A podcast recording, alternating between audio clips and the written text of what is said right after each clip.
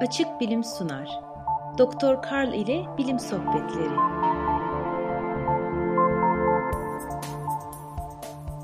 Doktor Kessler'ın Aşırı Yemenin Sonu isimli kitabı gıda endüstrisiyle ilgili düşüncelerinizi değiştirebilecek cinsten. Doktor Kessler birçok önemli ünvana sahip. Avukat ve çocuk doktoru olmasının yanı sıra Amerikan Gıda ve İlaç İdaresi'nin kurul üyesiydi. Kitabında ABD ve diğer İngilizce konuşulan Batı ülkelerinde tüketilen gıdalarla ilgili muazzam çelişkileri gözler önüne seriyor. Doktor Kessler'ın ilgi alanı gıda endüstrisinin gıdaları ustaca çekip çevirme ve günümüz gıdalarını bağımlılık yaratacak şekilde özel işleme yöntemleri. İnsan vücudu acıktığında yemek üzere evrilmiştir ve tabii doyduğu zaman da durmak üzere. Ancak Amerikan gıda sanayinin amacı bunun tam tersi. Ürünler iştahınızı kabartacak şekilde imal ediliyor, bu yüzden daha fazla yiyorsunuz. Ancak aynı zamanda bu ürünler sizi daha fazlasına da aç bırakıyor. İddiasına göre de gıda endüstrisi bunu yaparken insan beyninin insanı satılan ürüne bağımlı hale getirecek bir tuhaflığından istifade ediyor. Gıda endüstrisi derken bostancınızı, bölge bayini veya yerel çiftçi kooperatifinizi kastetmiyorum. Hayır, gıdaları dalındaki haline hiç benzemeyecek derecede işleyerek satan milyar dolarlık çok uluslu şirketlerden bahsediyorum. Milyonlarca yıllık evrimimiz boyunca etrafta pek yiyecek yoktu. Şeker, yağ ve tuz enderdi ve değerliydi.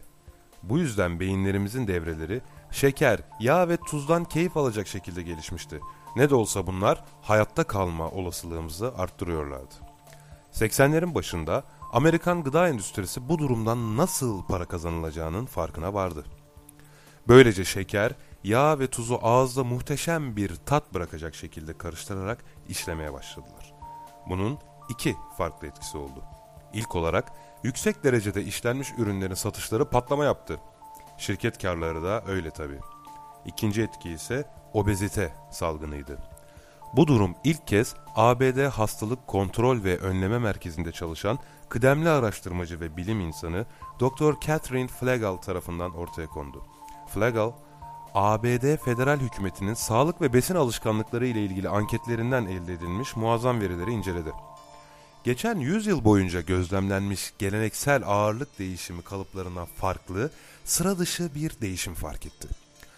Daha önceleri Amerikalı yetişkinler 20 ile 40 yaşları arasında birkaç kilogram alıp bunları 60 ve 70'li yaşlarda geri veriyorlardı.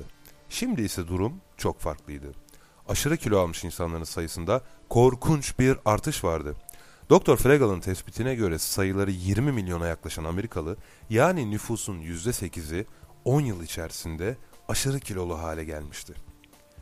Peki ama gıda endüstrisinin bu işteki parmağı ne?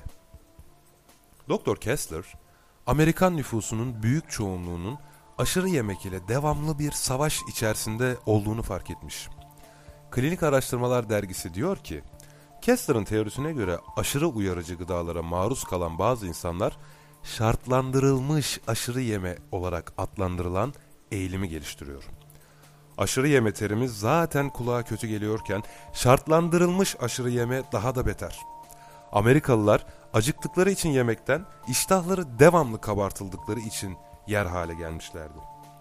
Gıda endüstrisi aşırı lezzetli bu ürünlerin, bunlara gıda demek için tereddüt ediyorum bu arada, üretiminin iki aşamalı bir süreçten geçtiğini çabucak anladı. İlkin, yağ, şeker ve tuzu her mamule katacaksın.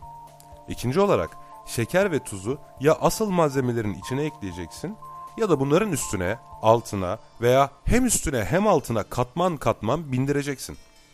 Örneğin asıl malzeme tavuk parçaları olsun. Fabrika tavuğu kızgın yağda kızartıyor. Böylece tavuk etinin içine yağ zerk edilmiş oluyor. Ve genellikle nakliye için onu derin donduruyor. Daha sonra lokantada et tekrar kızartılınca ona daha da yağ bindiriliyor.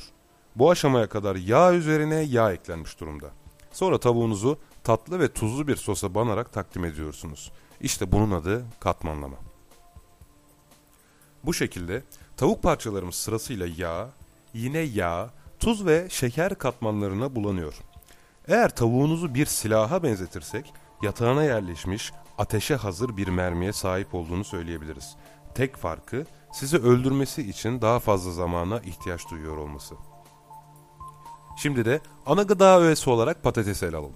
Patates bir karbonhidrattır. Yani bir dizi şekerin zincir halinde birleşmiş hali. Cips şeklinde doğrayın ve kızgın yağda kızartın. Cipslere yağ yüklenecektir.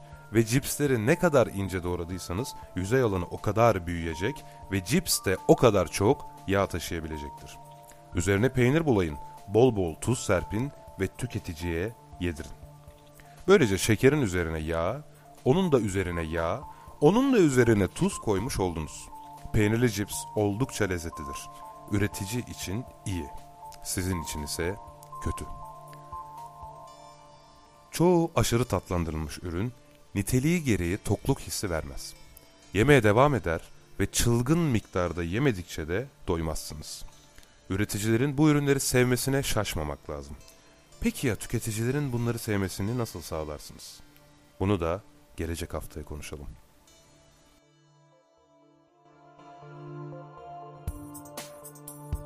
Çeviren Gökhan İnce Seslendiren Tevfik Uyar Açık bilim hakkında daha fazla bilgi edinmek, diğer yayınlarımıza ulaşmak ve dergimizle iletişim kurmak için www.açıkbilim.com adresini ziyaret edebilirsiniz.